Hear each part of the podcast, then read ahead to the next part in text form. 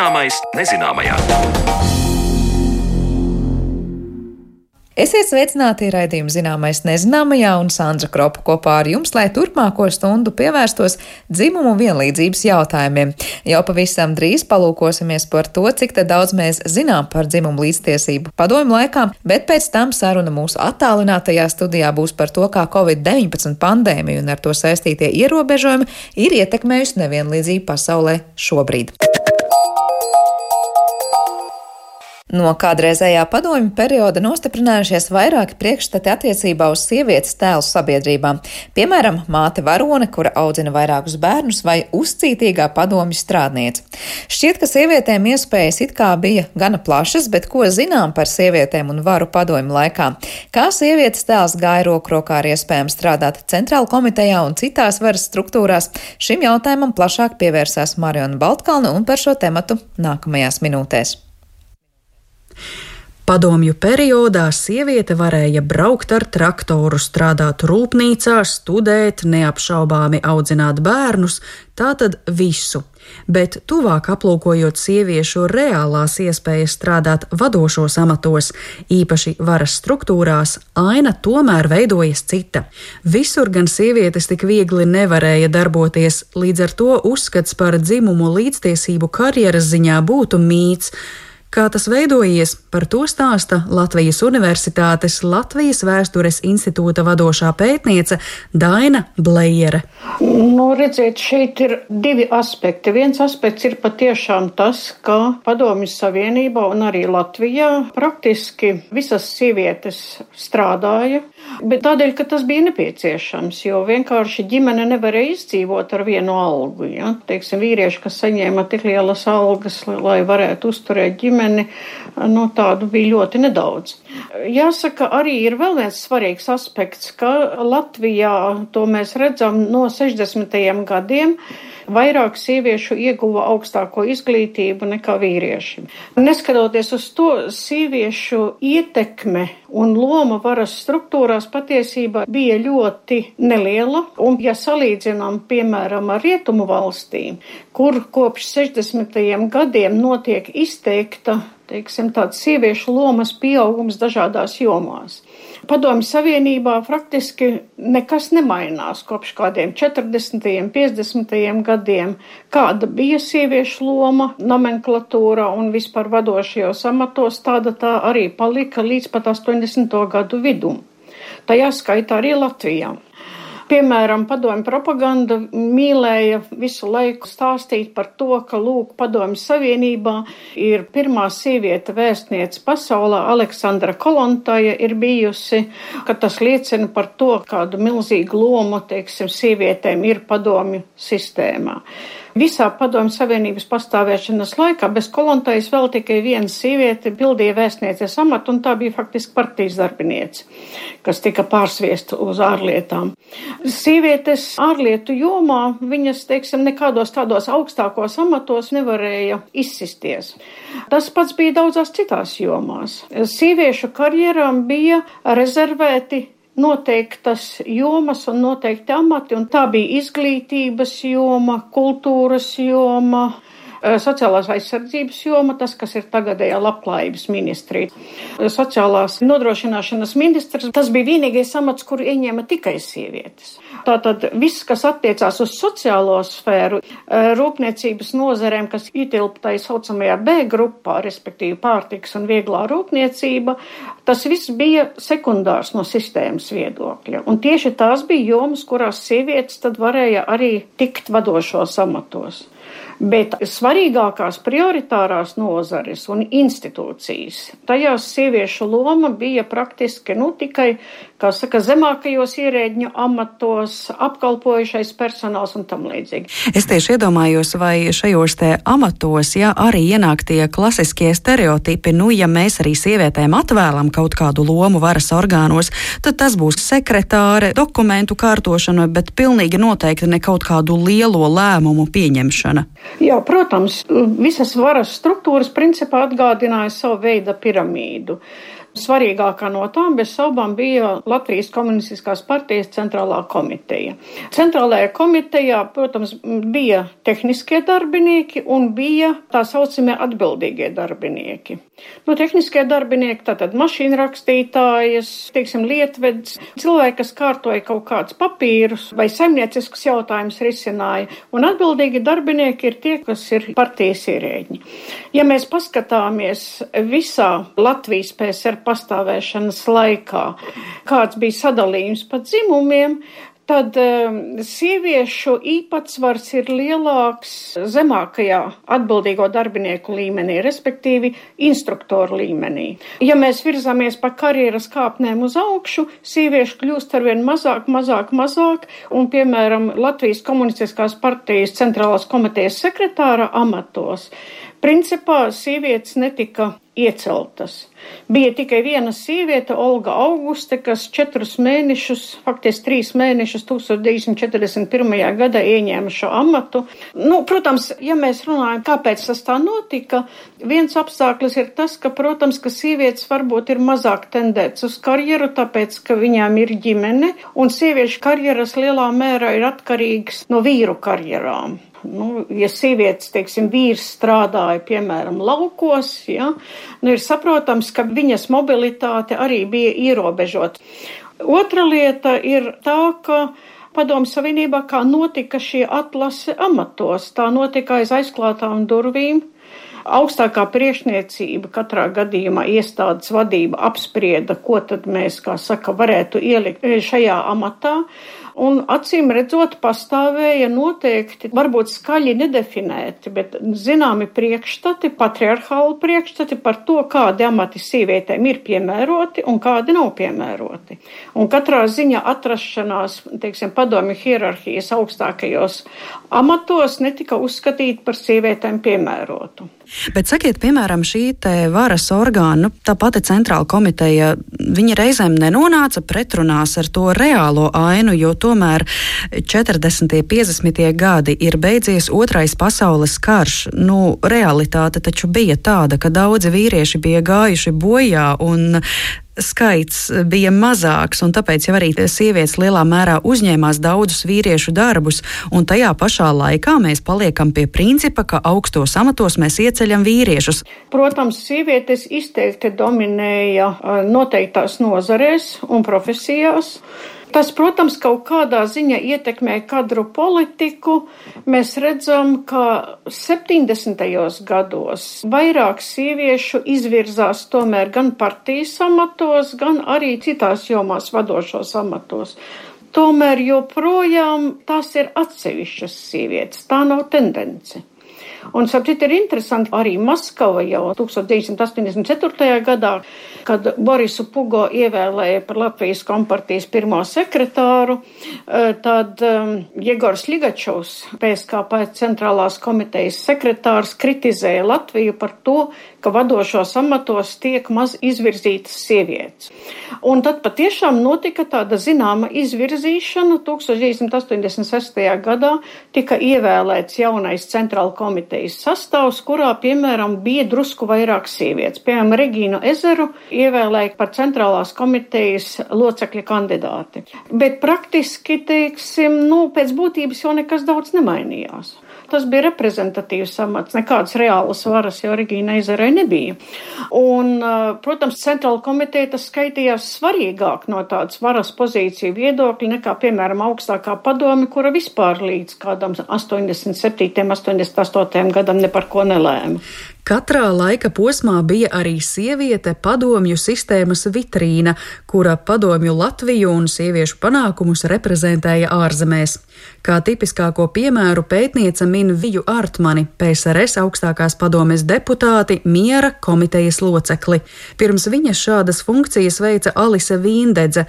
Vēl būtiski, ka arī sabiedrības attieksmē valdīja pretruna, proti uzskats, ka sievietei nepieklājas nokļūt augstos amatos.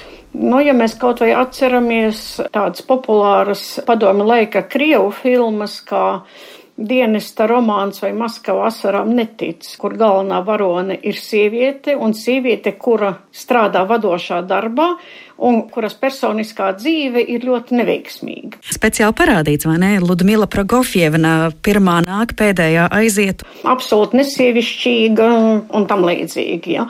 Tas lielā mērā atspoguļo tos stereotipus, kādi pastāvīja sabiedrībā, arī Latvijas sabiedrībā par to, nu, ka sievietēm tomēr nav īsti labi tā pārāk censties būt karjeristēm un tam līdzīgi. Teiksim, šis potenciāls bija, bet šis potenciāls viņš tika apspiests. Viņš nevarēja realizēties padomju sistēmā. Mm. Bet vispār, ja mēs runājam par šo te padomju periodu, kā varētu salīdzināt Latviju un Baltijas valstis pašreizējās uz citu padomju republiku fonu? Nu, Baltijas republikas bija mazāks, homogēnāks Un šeit varbūt sievietēm savā ziņā bija arī pat labākas iespējas izvirzīties. Paradoxāla situācija ir tā, ka it kā sievietēm bija pat lielāka loma nomenklatūrā Vidusāzijas republikās, kurās varētu domāt, ka tās ir daudz patriarchālākas un tam līdzīgi. Kas gan ir saistīts, acīm redzot, ar to, ka Vidusāzijas republikas bija ļoti izdevīgas no tā viedokļa, lai varētu tās parādīt sevišķu zāru, kā teiksim, tādu paraugu trešās pasaules valstīm, kā padomju iekārta ir atbrīvojusi sievietes, un cik sievietes ir veiksmīgas un sekmīgas padomju savienībā. Princips, ka tā saucamajās spēka struktūrās sievietēm bija paredzēta tikai tehniska un apkalpojoša loma, bija attiecināms arī uz iekšlietu ministriju, armiju un arī padomju represīvo orgānu valsts drošības komiteju jeb čeku. Mašīna rakstītājs, telefonistes, tulces, teiksim, cik es esmu skatījusies arhīvā arī partijas sapulču materiālus, kas ir saglabājušies līdz 1959. gadam. Esmu, piemēram, nekad redzējis, ka būtu bijis kāda izmeklētāja sieviete vai vispār sievietes vadošā amatā valsts drošības komitejā. Ne arī tās priekštečos, teiksim, valsts drošības ministrijā un tam līdzīgi. Varbūt bija kaut kādi ļoti reti gadījumi, kad izdevās pakāpties pa karjeras kāpnēm, bet tie noteikti bija ļoti reti. Par dzimumu līdztiesību un iespēju sievietēm ieņemt amatus varas orgānos padomju periodā stāstīja Latvijas Universitātes Latvijas vēstures institūta vadošā pētniece Daina Blējera, ar kuru sazinājās mana kolēģa Mariona Baltkalna. Bet par to, kā Covid-19 pandēmija un ar to saistītie ierobežojumi ir ietekmējusi mūs visus un radījusi nevienlīdzību, mēs runāsim raidījuma turpinājumā.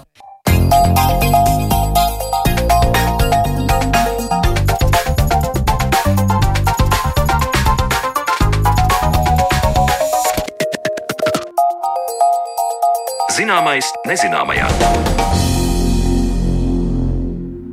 Covid-19 pandēmija un ar to saistītie ierobežojumi ietekmē mūs visus, taču šādas krīzes vienlaikus ir arī labs katalizators, lai parādītu, vai un kā sabiedrība ir aktuāla nevienlīdzība. Nesen kā klajā nāca ANO pētījums par to, kā pandēmija visā pasaulē ietekmēs to, kā tad tiekam galā ar dažādām sadzīviskiem jautājumiem. Secinājumi nav īsti iepriecinoši, taču plašāk par to, kā tad Covid-19 e, ir ietekmējusi dzimumu nevienlīdzību visā pasaulē, mēs runāsim raidījuma atlikušajā daļā. Mūsu attālinātajā studijā tāpēc esam aicinājuši sociāla antropoloģiju un dažādības vadības eksperti Agnēs Cimdiņu un sabiedriskās politikas centra providus vadošo pētnieci Agnēs klāts. Labdien jums abām! Labdien! Labdien. Runājot par pašu šo ANO pētījumu, nu, galvenais secinājums tā pavisam vienkārši un īsi sakot, jāsaka, ka sievietēm darbs no māja, mājām šajā režīmā ir bijis nu, tiešām daudz grūtāks, varbūt pat daudz līdz vairāk strādāt, gan darba stundu ziņā, gan varbūt arī e, zaudējot dažkārt darbu, proti, izējot no darba tirgus vairāk nekā vīriešiem. Bet varbūt pavisam īsi agresīvi cimdiņai jautāšu, par ko tieši liek domāt šis ANO pētījums, ziņojums un ko mēs no tā iegūstam šobrīd? Aha. Nu, ANO pētījums faktiski mums liek eh, saprast eh, nu, daudzas problēmu jautājumus, par kuriem mēs varbūt ikdienā neaizdomājamies. Un, uh, vispār es gribētu iesākt ar to, ka nu, nav tādas sabiedrības, kurā visiem pieaugušiem iedzīvotājiem būtu pilnīgi vienāda ietekme. Protams, šī sociālā diferencēšana un nevienlīdzība ir universāla fenomena visās sabiedrībās. Uh, bet vienlaikus jāsaka arī, ka ne jau visa šī sociālā diferencēšana ietver varas nevienlīdzību. Un kaut arī pastāv šī viensprātība starp vīriešiem par to, ka starp vīriešiem un sievietēm ir nozīmīgas atšķirības ir vērojami dažādi kultūras specifiski veidi, kā šīs atšķirības tiek noteiktas un praktizētas. Un, un to jo īpaši mēs varam redzēt arī krīzes laikā. Ja? Un, un nu, nebūtu arī pārspīlēti teikt, ka nu, dzimums ir nozīmīgs sociālās klasificēšanas princips visās sabiedrībās un sociāla-ekonomiskajā sociāla dzīves organizēšanā. Un, un šī šodienas situācija, respektīvi dzimuma līdztiesības globālā situācija, atspoguļo ļoti daudz pretrunas un paradoksus. No vienas puses, mēs redzam, ka dažās valstīs un reģionos ļoti pieauga opozīcija pret sieviešu tiesībām. No otras puses, mēs redzam, ka, ka citi vēl tā kā šī dzimuma līdztiesība ļoti pieaug, jo varas iestādes un, un sieviešu cīņa par tiesībām mētiecīgi sekmē sieviešu iespēju piedalīties sabiedrībā visos līmeņos, uz vienlīdzīgiem nosacījumiem ar vīriešiem. Ja? Un, savukārt, atkal pretrunu centrā ir ideoloģijas, kas vienlīdzību uzskata par draudu ģimenēm, kā arī, mm, respektīvi, spiedienu saglabāt tradicionālās. Uh, nu, uzskata, respektīvi, to kā uh, spiedienu saglabāt šīs uh, tradicionālas dzimuma lomas un, un noteikti tā teikt, nu, savu veidu virves vilkšana uh, par tiesībām lēmt par savu ķermeni un seksualitāti. Un, un, un, un, protams, ka sievietes nevar izlemt par savu ķermeni, tas ietekmē darba dzīvi, izglītību, sabiedrisko dzīvi kopumā. Uh, Un, respektīvi, tas, kā tiek konstruēts un izprastas šīs dzimuma atšķirības, attiecības un vienlīdzība, ļoti būtiski ietekmē sociālo, ekonomisko un politisko organizāciju sabiedrībā visur pasaulē. Pat labi nesošā krīze ietekmē vienlīdzību dzimumu starpā ļoti, un, un ANO pētījums uz to vērš uzmanību, par ko, manuprāt, Latvijā nu, debatas praktiski vispār nav bijušas, uz to nav tikusi vērsta uzmanība. Līdz ar to es priecājos, ka jūs vismaz šo jautājumu ceļat gaismā, jo, jo ir neskaitām pētījumi, ar ko es esmu iepazinusies ārpus Latvijas robežām, ja, kas norāda, ka ikdienas dzīves ierobežojumi, skolu slēgšana, uzņēmējdarbības dīkstāve, Tirzniecības ierobežojumi un vispār ekonomiskā lejupslīde nozīmē to, ka sievietes piedzīvo ievērojumu neapmaksātu darbu pieaugumu. Pat pētījumi rāda, ka šī Covid krīze pastiprina tās sauktās tradicionālās sociokulturālās dzimuma normas. Krīzes ietekme, Jā, vai ne? Ka krīzes ietekme nebūtu nav vienāda visās sociālajās grupās. Kā, kā koronavīrus izraisītās šīs sociālo-ekonomiskās sekas ir nesamērīgi noslogojušas sievietes ar, ar milzīgu apjomu nekompensētu darbu, aprūpējot ne tikai bērnus un skolojot ne tikai bērnus, bet aprūpējot arī vecākus un slimus tuviniekus. Papildus tam, ka arī daudz vairāk sievietes nekā vīrieši ir zaudējuši darbu koronavīrus krīzes rezultātā. Un līdz ar to šis nu, Tie sasniegumi, kas pēdējo dekāžu laikā ir veikti dzimuma līdztiesības jomā, ir ne tikai teikt, apstājušies, bet sāk teiksim, virzīties pretējā virzienā. Līdz ar to es domāju, ka ļoti, ļoti būtiski ir celt gaismā šos jautājumus, uz ko ANO ziņojums norāda.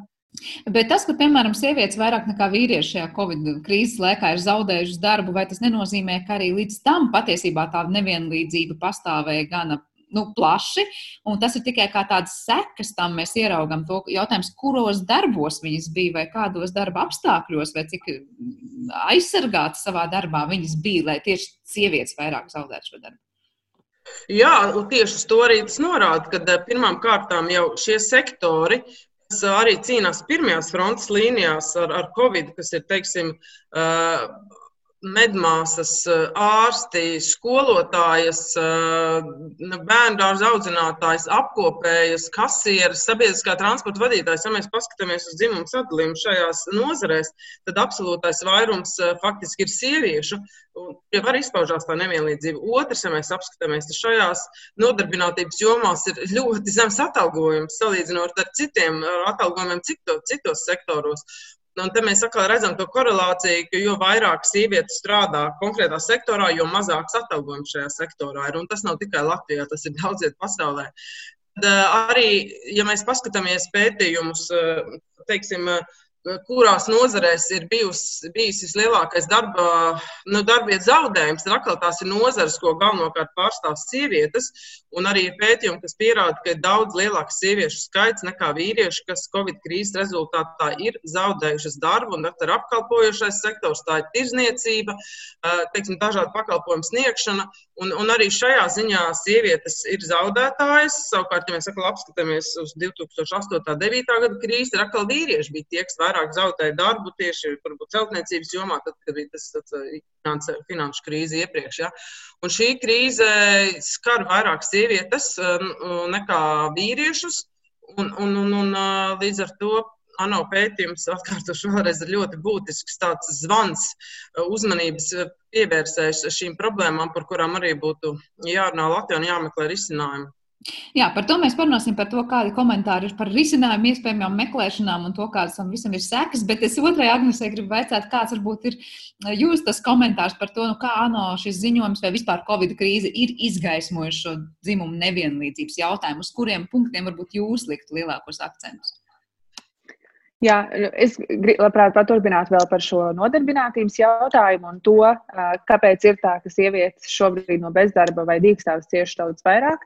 Viens ir šīs nozares, pakalpojumu nozares, kurās ir daudz nodarbinātas sievietes, bet otrs, ja mēs piemēram skatāmies tieši uz Latvijas situāciju un domājam par skaistumkopšanas nozari, tad uh, tas ir ne, uh, ne tikai par uh, darba apstāšanos, bet arī par to, cik sociāli mazaisargātas ir noteikti, noteiktas nodarbināto grupas, ja tie nav ierastie nodarbinātības veidi. Un, ja mēs, piemēram, domājam par to pašu viesmīlības vai uh, turisma nozari, uh, daudz kur Rietumē Eiropā tās ir uh, profesijas, kurās ir saucamie nulles līguma, nulles stundu līgumi, kas arī nozīmē, ka šie cilvēki ir mazāk aizsargāti, zaudējot darbus. Tas viens par to nodarbinātību.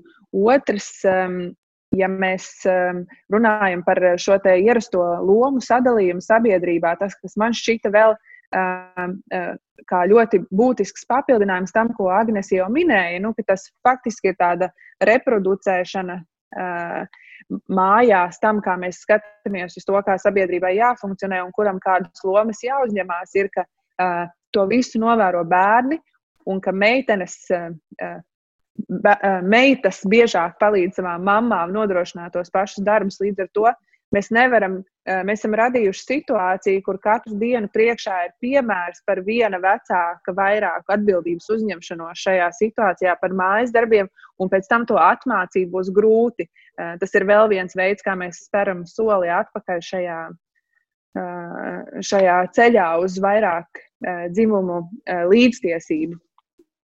Un, un kas, kas vēl man šķita ļoti svarīgi, īpaši arī Latvijas kontekstā, ka ir arī daudz viena vecāka ģimenes, un, ja tās ir viena vecāka ģimenes, tad tās pārsvarā ir sievietes, kuras audzina bērnus vienas pašas. Un tad tas, eh, tas samērīgums nav tik daudz par dzimumu lomām un to, ko mēs varam vai nevaram kaut kā mudināt ar kampaņām eh, mājās novērot un pamainīt, bet tās, eh, ka šīm sievietēm nav citas izējas, kā mēģināt atrast savu veidu, kā nopelnīt iztiku, plus vēl parūpēties par bērniem, kuri šobrīd neiet uz skolu, mācās mājās un tā tālāk. Kāds būtu nu, tas risinājums? Nu, piemēram, šim modelim šobrīd, kad uh, uz skolu, piemēram, bērns nevar iet un ģimenē ir vairāki bērni, un šajā gadījumā kaut vai, ja turpinām šo tēmu, ir, piemēram, viena mamma ar šo bērnu mājās. Vai īstā recepte būtu kaut kāda papildus pabalsti, vai tās nebūtu īstais risinājums? Jā, nu es domāju, ka Nu, tajā ziņojumā arī apskatot citu valstu piemērus, ko viņi ir darījuši. Šie pabalsti ir viens no veidiem, um, kā valstis ir centušās uz to reaģēt. Latvijā šie pabalsti bija nu, teiksim, tā, saudabīgi un sarežģīti, jo tur bija noteikts vecums, uh, bērna vecums, līdz kuram uh, šis finansiālais pabalsts tiktu piešķirts. Tur bija teikts, ja nevar strādāt Eh, attālināti. Bet ko tas nozīmē, ja nevar strādāt attālināti? Mēs aicinām cilvēkus palikt mājās pēc iespējas, eh, sakam, lai bērnus nesūta skolā. Cilvēkiem varbūt pat esot iespējai turpināt pelnīt, eh, tas kļūst ierobežojoši. Un tas, tā produktivitāte krītās. Īpaši smagi tas ir cilvēkiem, kam tas ir atkarīgs no gabaldarbiem, darbiem arī pat akadēmiskajā vidē, domājot par kaut kādām publikācijām un, un ziņojumiem, tā iespēja, nu, iespējamā produktivitāte ir ievērojami sarukusi. Līdz ar to tādas tā kā, kategorijas par to, kā mēs varētu sašķirot, kurai mammai vairāk vai tētim pienākās pabalsts. Um, šajā laikā, attālināto mācību laikā, bija diezgan absurds. Tagad ir ierosinājums, ka tas varētu būt vis, visām ģimenēm, kurās ir bērni, 100 eiro par katru bērnu. Tas noteikti būtu atvieglojums, bet redzēsim, vai tas tiks, vai tas tiks pieņemts tam noteikti būtu jābūt universālam un kaut kam tādam, kas netiek, kur nešķiro pēc nodarbinātības veidiem. Uh, nu, mans primārais komentārs, piekrītot tam visam, ko jau Agnese teica, uh, ir tas, ka, lai vispār mēs varētu domāt par ieteikumiem un par uh, risinājumiem, kas darbojas, jau nu, teiksim, politikas veidotājiem, pirmkārt, ir jābūt datiem un izpratnē par reālo situāciju. Un, teiksim, man pašai audzinot trīs bērnus, tiešām ikdienā, un ikdienā arī ļoti aktīvi darbojoties eh, nu, teiksim, savā nu, darba dzīvē, tiešām rodas izpratne vai priekšstats par to, ka nav, nav vispār sapratnes, kā šī ikdiena pat labam tiek vadīta. Jo, ja mēs paskatītos kaut vai elementāru statistiku, ja nemaldos no pagājušā gada Latvijā, kur ir eh, tiek lēsts, ja, ka gandrīz 30% 30% sievietes, respektīvi mātes, audzina bērnus vienas pašas. Tas jau pat, pat pirms krīzes laikos tikai 17%. 17% eh, sieviešu ar bērniem vispār ir laiks pasportot vai, vai, vai nodarboties ar kaut kādām aktivitātēm priekš sevis, ja ārpus mājas. Ja mēs zinām to ārkārtīgi izteikto nu, uzturlīdzekļu nemaksāšanas kultūru Latvijā, uh, tad ir skaidrs, ka ir milzīgi daudz eh, nu, mātes, kuras vienas pašas šajā situācijā cīnās ne tikai ar ienākumu nodrošināšanu, varbūt viņām ir nobrucis bizness pilnībā, ja, bet arī ar bērnu skološanu. Un pat esot mājās eh, darba laikā kopā ar savu pirmklasnieku, lai cik man nebūtu pretim nākošs darba devējs, kāds man paldies Dievam ir, un, un, un ļaujot man strādāt no mājas, pašā laikā pirmklasnieka skološana mājās prasa faktiski pilna uzmanība pirmklasniekam no 9 līdz 3. Tu faktiski nevari to darbu apvienot arī tad, ja tev tiek ļauts strādāt mājās. Un tad es domāju, un tad ir vēl divi bērni, kuriem arī ir savas vajadzības un kuriem ir vajadzīga palīdzība. Un, un faktiski kādā veidā šos darbus apvienot, kā to ikdienu teiksim, izvilkt uz saviem pleciem, nu, manuprāt, politikas veidotājiem par to priekšstatu īsti nav. Un, ja būtu politika, kas ir balstīta datos un pētniecībā, šī izpratne būtu, un iespējams arī būtu labāki risinājumi. Un, un, un, um, un uh, tā tad ir, protams, jādomā, jāietver šī dzimuma līdztiesības perspektīva, domājot par atbalstu pasākumiem. Un, un uh, jādomā, protams, dažādības vadības kategorijās, kas arī, diemžēl, nav, nav, nav izteikti praksa pie mums. Un, un, um, un, uh, nu, jā, un jāsmeļās no valstīm, kur šī situācija labāk eh, jāsamazinās pieredze no valstīm, kur šī situācija ir labāk risināta. Primārais ir pirms ar to lauku savā valstī un, un mēģināt iegūt datus par to reālo situāciju, kāda vispār ir labantajā dzimuma līdztiesības jomā. Es, es varu tikai piekrist. Es faktiski domāju, eh, gatavojoties šai sarunai, domāju, nu, kurš ir tas, eh, kurš runā šo ģimeņu vārdā un sieviešu vārdā šajā konkrētajā situācijā Latvijā. Uh, Teorētiski um, ir viena ministrija, kuras pārziņā ir gan dzimuma līdztiesības, gan ģimeņu jautājumi, bet faktiski šajā, um, šajā situācijā ir pievērsta diezgan maz uzmanība tam, ka ja tiek izstrādāts jaunais dzimuma līdztiesības politikas plāns par to, ko viņi plāno darīt, bet uh, tieši uh, tā pašreizējā situ situācijas analīze, no kuras faktiski viņiem būs jāsāk strādāt, nav nav veikta, un tā nav bijusi tāda prioritāte dienas kārtībā pašlaik. Tā kā esam par maz izzinājuši to situāciju, kāda ir šobrīd. Paturpinot otras Agnēs teikto par pašas pieredzi bē, mājās ar darbu un trim bērniem, kas varbūt no pašas tagad liekas, ir tas, nu, vēstījums, ko gribētos nodot politikas veidotājiem vai kā citādi, kas būtu tas ideālais risinājums, lai, lai kaut kā to situāciju atviegloties. Iedomājieties, nu, ja ir šādi apstākļi, kādi tie ir, un uz skolu bērnus mēs vest nevaram, jo tur, piemēram, mēs saprotam, ka infekcijas ierobežošanas nolūkos tiek darīts tas un tas un tas. Auklīti uz šo maisaimniecību mēs arī nesaucām, lai viņa varētu ar šo pirmklasnieku darboties. Kāda ir tās, nu, tā ideālā izēja šajā situācijā? Kas palīdzētu tai mammai, kas ir darba, pati pilna laika darbā ar trim bērniem mājās, kur arī ir skolā? Mm -hmm. Nu, protams, ka dienas laikā to situāciju ir diezgan grūti atrisināt. Jā, pirmām kārtām ir jābūt kompensējušiem mehānismiem, kā kompensēt to zaudēto darba laiku un piedāvājot teiksim, mātēm paņemt slimības lapu uz tā rēķina, ka pirmklasnieks ir jāmāca, un tad izmaksājot 60% algas, nu, es atvainojos, nu, tas nozīmē zaudēt pusi no ienākumiem. Un daļa sieviešu, kas jau tā vienas pašas uztur ģimenes, nu, nevar atļauties zaudēt tos ienākumus. Ja?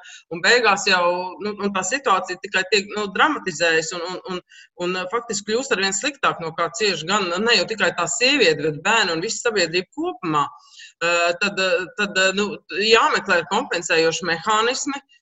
Un, un, un, un, protams, ir jāstiprina šis sociālais dialogs starp darba ņēmējiem un starp darba devējiem kopumā. Ja? Teiksim, arotbiedrības, protams, tas nenotiek dienas laikā, bet arī ir joma Latvijā, kur ir nu, teiksim, nu, nav pilnvērtīgi darbojusies. Tādēļ arī ir šis dialoga un izpratnes trūkums starp darba ņēmējiem, starp darba devējiem, starp politikas veidotājiem. Uh, un šī dzimuma līdztiesības uh, nu, perspektīva šajā sociālajā dialogā arī ir iztrūkusi. Un krīze, šī krīze ļoti labi to izgaismo. Nu, tā tad uh, kompensējoši mehānismi, Protams, primāri domāt par to, lai ir atvērti bērnu dārzi un vismaz pamatskolas, jo kamēr nav nodrošināta bērnu aprūpe, tikmēr eh, sieviete nevar atgriezties pilnvērtīgi darba tirgu. Un, ja mēs paskatāmies teiksim, uz Ziemeļvalstu vēsturi, uz sociālās politikas vēsturi, kas jau kopš 70. gadiem ļoti aktīvi teiksim, likumdošana vērsta uz to, lai, lai, lai sieviete varētu nu, piedalīties nu, nu, darba dzīvē uz vienlīdzīgiem nosacījumiem vīriešiem, e, un analizējot to, ar kādiem mehānismiem šīs valsts ir strādājušas, nu, nav jābrīnās, ka tagad šīs valstis ir teiksim, līdztiesības, eh, dzimuma līdztiesības visos pētījumos eh, pašā augšgalā, ja, un Latvijas tur nav. Eh, Latvija ir zemāka un, un eh, tā kā nodrošināt, jā, bērnu.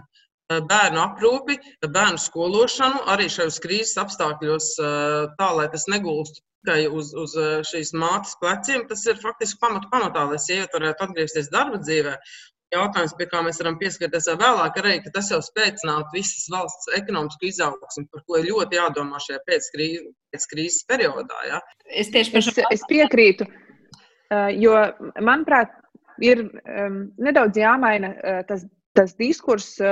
Par to, ka nu, šis nav tā kā papildus naudas prasīšana par to, kāds grib sēdēt mājās. Šī nav situācija, ko cilvēki izvēlās un piesakās. Jā, es ļoti labprāt palikšu mājās ar saviem bērniem un palīdzēšu viņiem pildīt mājas darbus. Un mēs to darām, tāpēc, ka tas ir, tas ir jādara. Bet ir jāsaprot, ka tam tiešām ir ilgtermiņa sekas, tas, ko lēš šajā pētījumā, ka tas varētu divreiz paaugstināt to sieviešu un bērnu skaitu, kas var nonākt zem nabadzības sliekšņa. Ne tikai Latvijā, tas ir globālā līmenī, bet arī Latvijā noteikti mēs varam par to runāt. Arī tāpat runājot par skaistumkopšanu, mums jābeidz tas trivializēt un domāt, ka nu šis tikai tāpēc, ka kāds grib pucēties. Tā tieši, tie tiešām ir ienākumi cilvēkiem, turklāt cilvēkiem, kuri nav šajā ierastajā nodarbinātības formā, un viņu tas dīkstāvs atbalsts ir gaužām nožēlojams pašlaik vai vispār netiek izmantots. Un, ja mēs tieši tā pagrieztu šo skaidrojot sabiedrībai, ka tam ir ilgtermiņa ietekmi uz sabiedrības labklājību, uz, uz, uz nevienlīdzību, tieši sociālo-ekonomisko nevienlīdzību. Un, un uz to, kā, kā mēs vispār varēsim atkopties no šīs krīzes pēc tam, tas varētu palīdzēt skaidrot to, to papildus finansiālo atbalstu. Jo, protams, nu, nav noslēpums, ka Latvijā ir grūti paskaidrot jebkuru no papildus maksājumiem. Es nedomāju, ka šim atbalstam ģimenēm būtu jābūt ārkārtīgi grūti paskaidrojumam, bet, ja mēs to ieliekam plašākā kontekstā, tad es domāju, ka tas ir izdarāms. Bet jau atkal kādam par to ir jārunā. Bet vai atkal nav tā, ka par tiem pašiem kaut vai dīkstāvs pabalstiem runājot, kas arī izskanēja, ka ļoti bieži tas izgaismo nākamo problēmu, ka varbūt tās ir nu, darba vietas, kur darba devējs nav godprātīgi maksājis nodokļus par šiem darbiniekiem. Un savukārt tad mēs atkal varam teikt, cik daudz nesaņem pabalstus, bet izrādās nesaņem tāpēc, ka varbūt nav, nav līdz tam maksāt šie nodokļi. Vai jūs, prāt, tas iezīmē šo problēmu arī vairāk? Noteikti iezīmē arī šo problēmu. Tas izgaismo arī to, ka ļoti daudz sektoru, kuros atkal tieši sievietes strādā puslodzē, tāpēc, ka nav iespējams apielu, at, apvienot šo, šo nu, rūpes par ģimeni un, un, un nodarbinātību pilnvērtīgi arī pat ārpus krīzes apstākļos. Ja? Nu, kas tad notiek ar šiem daļējas slodzes darbiem? Un tas atkal nav tikai Latvijā. Daudz vietā pasaulē, īpaši veselības sektorā, strādājošie strādā dažādās slodzēs, vairākās darba vietās. Un, un, un, un tā pašā laikā, teiksim, nabadzīgākās pasaules valstīs, galvenokārt sievietes strādā tajā nu, neformālajā sektorā un iestājoties krīzē, viņiem vispār nav nekādu sociālo garantiju, nekādu pensiju. Un, un, tas, ka sievietes tiek, ir ārkārtīgi pakļautas šim nabadzības riskam daudziet pasaulē, tas ir fakts. Un, un, un arī šī, šīs aplūkšņa algas, kuras nereti arī darba ņēmēji nemaz Nu, to situāciju grūti ietekmēt. No vienas puses, protams, mēs saprotam, ka, ka, ka šīs nodokļi ir jāmaksā, un atkal mēs varam slavināt un ņemt piemēru no Ziemeļvalstīm, cik labi tur funkcionē ekonomika, tāpēc, ka cilvēki maksā nodokļus. Atkal no otras puses ir viena sabiedrības daļa, kur apgalvo, ka šos nodokļus maksāt nevar, kā darba ņēmēji nodokļi, nu, viņiem nodokļi nav maksāti. Nu, šie cilvēki absolūti ir cietēji, un viņiem arī ir bērni, un, un ir jādomā, kaut, jādomā par kaut kādiem kompensējušiem mehānismiem. Un šī izpratne, protams, viens ir no politikas veidotājiem, otrs arī no darba devējiem. Ja? Un, un, un atkal, ja mēs pieskaramies teiksim, tā pašai dažādības vadībai, ja, kur viens no principiem ir, ka, lai mēs, nu, lai mēs teiksim, nodrošinātu vienlīdzību, mums nedara vienāda pieeja visiem. Ir vajadzīga dažāda pieeja, faktiski, lai mēs nodrošinātu šo vienlīdzību. Un, un, un īpaši šajā krīzes situācijā apzinoties to, teiksim, to lielo slogu, kas gūst uz sieviešu pleciem, ja, nu, kāda ir tā darba devēja izpratne, kādas tās darba devēja prakses. Un, teiksim, man pašai arī šajā nu, ārkārtas situācijas laikā ir, ir bijusi rūkta pieredze, piemēram, ar dažādu projektu uzraugiem, kur strādājot, teiksim, akadēmisko darbu, pēkšņi, kad ir slēgtas skolas, bērnu dārzi, tev ir pilnīgi visas, visa bērnu skološana un pieskatīšana uh, uzkrauta uz taviem pleciem, un pat pēc likuma tu nevar atstāt bērnu vienu pašu. Ja? Tev ir jābūt klāt, un ja tu lūdz tādam projektu uzraugam nu, nedaudz pagarināt termiņu viena raksta pabeigšanai, un neviens neprasa finansējumu. Tikai raksta pabeigšanai, ja, teiksim, iedodiet papildus mēnesi, jo es šos apstākļus pats neesmu izvēlējies, tad pretī es saņemu atbildi darba laiku neviens nav atcēlis. Un tā, tas ir nu, pilnīgi totāls neizpratnes, nevēlēšanās izprast demonstrēšana, uh, nu arī savā ziņā varas demonstrēšana, kur, kur šī dzimuma līdztiesības perspektīva absolūti nav ņemta vērā. Un arī vai Latvijā šā, šī joma vispār ir pētīta krīzes kontekstā, es neesmu redzējis nevienu šādu pētījumu rezultātu savukārt salīdzinot Ziemeļvalstīm ir veikti vairāk pētījumu tieši par to, kā šī krīze ietekmē dzimumu līdztiesību.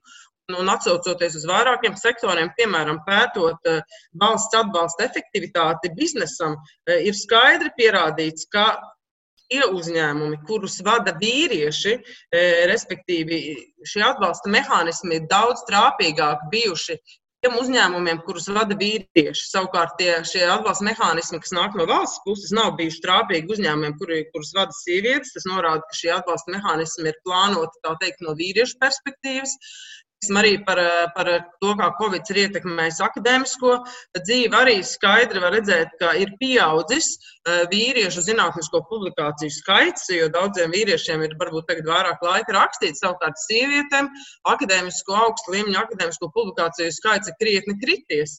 Un, un, un, un, eh, un, eh, nu, šīs ir tādas tendences, ar kurām faktiski vajadzētu iepazīties arī politikas veidotājiem un izprast to situāciju. Un, un ne tikai politikas veidotājiem, protams, arī darba devējiem. Un tur atkal mēs atgriežamies pie šīs sociālā dialoga - darba ņēmēji, darba devēji un, un politikas veidotāji. Jā, paldies par šiem konkrētajiem piemēriem. Agnese, laikam, grib ko teikt.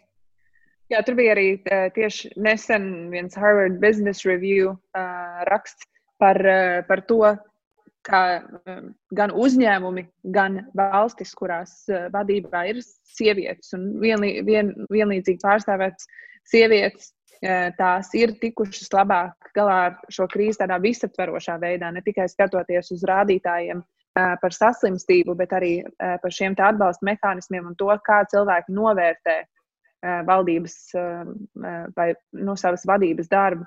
Un, un runājot par uzņēmējiem vai darba devējiem, man arī interesētu, vai ir kāds uzņēmē, uzņēmums Latvijā, kurš ir saviem darbiniekiem patiešām pajautājis, nu, ko jums vajag šajā laikā, kā mēs varam palīdzēt. Mēs, es varu strādāt no mājām, man mājās maz, mazbērnu nav. Un mūsu birojā prioritāte ir tām kolēģiem, kurām ir mazi bērni mājās, lai viņām ir kāda vieta, uz kurien aiziet un pastrādāt. Mēs ne, nemaisamies par kā, pa kājām, ne distancējamies, distancējamies viens no otra, nu, tieši ņemot vērā šos, šos apstākļus mājās tas ir iespējams ļoti vienkāršs risinājums, eh, bet eh, es zinu, ka tas ir kaut kas tāds, ko novērtē. Jautājums, cik daudz eh, darba devēji ir pajautājuši, kas būtu vajadzīgs, vai ir nu, teiksim, rasti kaut kādi šādi iespējams pavisam vienkārši risinājumi, kas atvieglotu to ikdienu. Viens ir valsts, valsts līmeņa šie risinājumi, otrs ir tas pavisam maz precīza praktiska palīdzība kā patiesībā daudz kas varētu tikt atrisināts daudz ātrāk un efektīvāk, vienkārši vairāk sarunājoties savstarpēji. Tā es saprotu no jūsu abu teiktā. Protams, pietrūks vispār šī problēmas apzināšanās. Nu, pirmkārt, mums arī ir gan, gan uzņēmumu un organizāciju līmenī, gan valsts līmenī pirmais solis ir atzīt to, ir šī dzimuma nevienlīdzība krīzes situācijā, un ka sievietes veids milzu apjoma neapmaksātu darbu mājās, kur atkal ir entie pētījumi, kas uzsver, ka tieši tagad sievietes faktiski mājās veids pat vairāk nekā pilna laika darbu uh, papildus, ja, un kas nav apmaksāts un kas, protams, atņem enerģiju. Bet te, ko es gribētu uzsvērt arī šajā situācijā, Es, tas, ko mēs tagad runājam, tā nav kaut kāda gaušanās par nabaga sievietēm. Faktiski visa sabiedrība, visa ekonomika kopumā cieš, ja netiek izmantota eh, sabiedrības labā šī, šī, šī kompetence, eh, teiksim, ko sievietes pārstāv. Un, ja mēs paskatāmies, ka Latvijas iedzīvotāju, no Latvijas iedzīvotājiem 56% ir sievietes, un ja liela daļa tiek izstumta no darba tirgus, eh, nu, faktiski jau visa ekonomika no tā cieši un visa sabiedrība. Un te es gribētu atsaukties uz vienu pētījumu Norvēģijā, kas tika veikts četrus gadus atpakaļ, kur arī pētnieks bija aprēķinājis eh, finansiāli eh, tos ieguvumus, kādi ir. Eh, nu, sievietes pilnvērtīgi piedalās darba tirgu. Un, un tad viņš bija skatījies atpakaļ no 70. no 1970. gada līdz 2013. gadam, tātad gan 40 gadu posms, kā viņš bija rēķinājis ekonomisko pienesumu valsts izaugsmē, labklājības izaugsmē, tad, ja sievietes piedalās pilnvērtīgi un nepilnvērtīgi. Ja? Un, un viņš slēdz, ka šo 40 gadu laikā ja sievietes, ja sievietes nebūtu pilnvērtīgi piedalījušās darba dzīvē, tad eh, faktiski iekšējais koprodukts būtu bijis zemāks tagad par 300, ne, par 3300 miljardiem kronu. Es pat nespēju aptvert, cik tas ir daudz naudas. Ja? Uh, un, un tas ir vēl rēķinot visu šos gadus atpakaļ, kad šī sieviešu iesaiste varbūt nebija tik pilnvērtīga kā tagad. Un tad vēl viņš saka, un ja šī sieviešu iesaiste būtu bijusi tāda pati kā vīrieši visu šo gadu laikā, šodienas iekšzemes koprodukts būtu vēl par 2300 miljardiem augstāks. Tajā pašā laikā ir arī nu, pētījumi, kas ir veikti tagad globāli, ja kāds būtu ekonomiskais iegūms globāli kopumā. Tad, ja teiksim, mēs neko nedaram ar šo dzimumu līdztiesības situāciju tagad, krīzes laikā, un izdomājam nogaidīt, ka krīze beigsies, tad risināsim. Ja? Un kāds būtu ekonomiskais iegums globāli, ja mēs tuliņ pat no šodienas sākam iekļaut šo dzimumu līdztiesības perspektīvu atbalsta pasākumos, domāt par to, kā sievietes var maksimāli atgriezties darba tirgu, lai bērnu aprūpe būtu nodrošināta un tam līdzīgi. Tur arī viņi ir izkalkulēti tie, tie, tie, miljardiem, miljardiem uh, summas, uh, ko ekonomika un uh, globāli no tā iegūt, un arī katra valsts atsevišķi. Ja? Tā, tā, tā nav runa tikai par to, ka sievietēm ir grūti, bet faktiski, kad zaudē jau visa sabiedrība, uh, ekonomika, par ko mums faktiski ļoti jādomā tagad, kā mēs vispār ekonomiku saglābsim pēc krīzes. Jā, es domāju, ka tie ir jautājumi, par kuriem var daudz un dikti vēl tālāk domāt. Un vēl viena ilustrācija tam, kā aiz šiem skaitļiem, kur būtu parāda šis pētījums, arī mēs varam tikai domāt tālāk, kā tas ietekmē visu to pasaules dzīvi kopumā. Nu, kaut vai minētais ANO pētījums, kurā pateiks, kas notiek, ja šie konkrētie procenti sieviešu, kas šobrīd ir ārpus darba tirgus un zaudē darbu, Patiesībā jau tuvākajā laikā tie 13% sieviešu, proti, 469 miljoni cilvēku, kas sāks dzīvot zem nu, tiešām liela nabadzības eh, sloga. Jautājums, kur šie miljoni arvien vairāk un vairāk, kas paliek, eh, rāda tālāk pasaules ekonomikai, jums arvien vairāk kļūst šo tiešām ekstrēmajā jau nabadzībā dzīvojamo cilvēku skaits. Tas tikai pierāda, ka jautājumu tiešām ir ļoti daudz, un tās sekas ir izjūtamas droši vien vēl ilgi pēc tam, kad šī krīze būs beigusies. Bet es tiešām ceru, ka mēs iekustinām mazliet sarunu pareizajā gultnē un vismaz palīdzam apzināt to, kāda situācija ir šobrīd patiesībā katrā droši vien otrajā mājā, tepat Latvijā. Lielas paldies jums abām par šo sarunu. Es atgādināšu klausītājiem, ka mēs dzirdējām šajā raidījuma pusstundā sociāla antropoloģija un dažādības vadības eksperta Agnes Cimdiņa, kā arī sabiedriskās politikas centra providus vadošo pētnieci Agnes Lāca. Ar to arī šis raidījums ir izskanējis. Par to parūpējās producents Armīta Kalāta, mūzikas redaktors Girds Bišs un ar jums kopā viesis Sandra Kropa. Uz tikšanos!